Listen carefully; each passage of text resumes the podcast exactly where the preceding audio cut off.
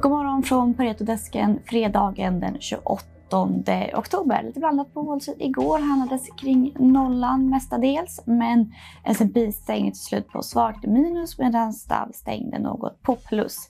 Vi fick ytterligare svaga techrapporter igår. Amazon lämnade svag Q4-prognos och backade några procent i ordinarie handeln men rasade sen i efterhanden. Och idag, Georg Attling, ska vi fokusera helt och hållet på iGaming-bolagen och vi var ju positiva till iGaming-sektorn inför Q3-rapporterna och de kom in bra, men hur har Q4-prognoserna varit? Uh, ja, nej men, uh, både Betsson och Kindred har ju eh, lämnat guidance för, för Q3 sen innan så det var ingen större, uh, ingen större förvåning för, för just Q3 hos varken Betsson eller, eller Kindred. Eh, och inte så heller hos, hos Evolution som kom, eh, kom in hyfsat i linje med både vad vi och marknaden hade förväntat oss. Eh, tittar man på Q4 så guidar både Betsson och eh, Kindred för eh, första dagarna, eller hur Q4 har börjat. Eh, vi tycker att båda, båda bolagen visar fortsatt väldigt, eh, väldigt starkt momentum i, början på Q4 här. Mm. Eh, och då, då är det viktigt att ha i åtanke att det är ett ganska baktungt kvartal sett till, sett till sportschemat. Vi har ju VM här som sagt som vi har diskuterat tidigare som är i november-december. Så eh, starka trading updates från, från operatörerna eh, och Q4 kommer förmodligen vara ännu starkare, mm. eh, är väl vår tro. Så fortsatt positiva då med andra ord? Absolut. Absolut. Några speciella bolag vi vill highlighta? Nej, men vi skickar ut eh, på, på Evolution i, eh, idag. Om vi tittar på rapporten som kom igår så är det väl två trender som, som vi tycker är värda att lyfta fram. Dels är det på den positiva sidan live som går otroligt starkt, mycket starkare än vad vi hade, hade förväntat oss.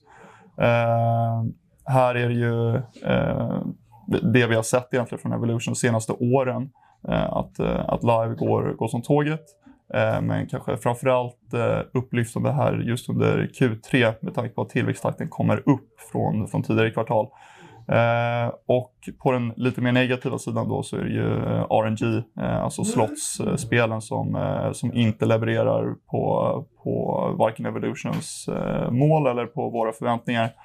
Eh, framförallt organiskt. Om man tittar har de ju sagt att de vill nå 10 year och year organiskt. Eh, nu är man nere på negativ organisk tillväxt här i, här i Q3. Eh, det här säger de att man måste släppa fler spel för att få upp den här tillväxten. Eh, men vi tycker att de har ändå släppt en del spel här i, här i Q3 och släppt en del i, i Q2 också. Så det borde vara tillräckligt för att för att i alla fall inte vara på, på negativ organisk tillväxt. Så det får ändå ses som en, eh, en besvikelse, RNG-leveransen, mm. Eh, men, men live väger upp eh, eh, mer, mer, än, eh, mer än vad RNG slår på nedsidan helt enkelt. Mm. Eh, men vi har väl inte några större förändringar på våra, vår syn på, på varken, på varken Evolution eller på, på Kindred. Eh, Betsson har vi inte släppt en uppdatering sen omvända vinstvarningen så där är det större, större rörelser i både våra estimatförändringar och, och riktkurs. Men eh, vi fortsätter att gilla, gilla sektorn. Tror att Q4 kommer se, se fin ut för egentligen samtliga bolag. Eh, och att det kommer spela in i Q1 som också är ett, eh, ett starkt sportkvartal eh, i och med att mycket av eh, matcherna har, har flyttats dit på grund av VM i Q4. Mm. Mm, spännande, tack så mycket Georg. Tack. Tack så mycket. Ha en trevlig helg när det blir dags.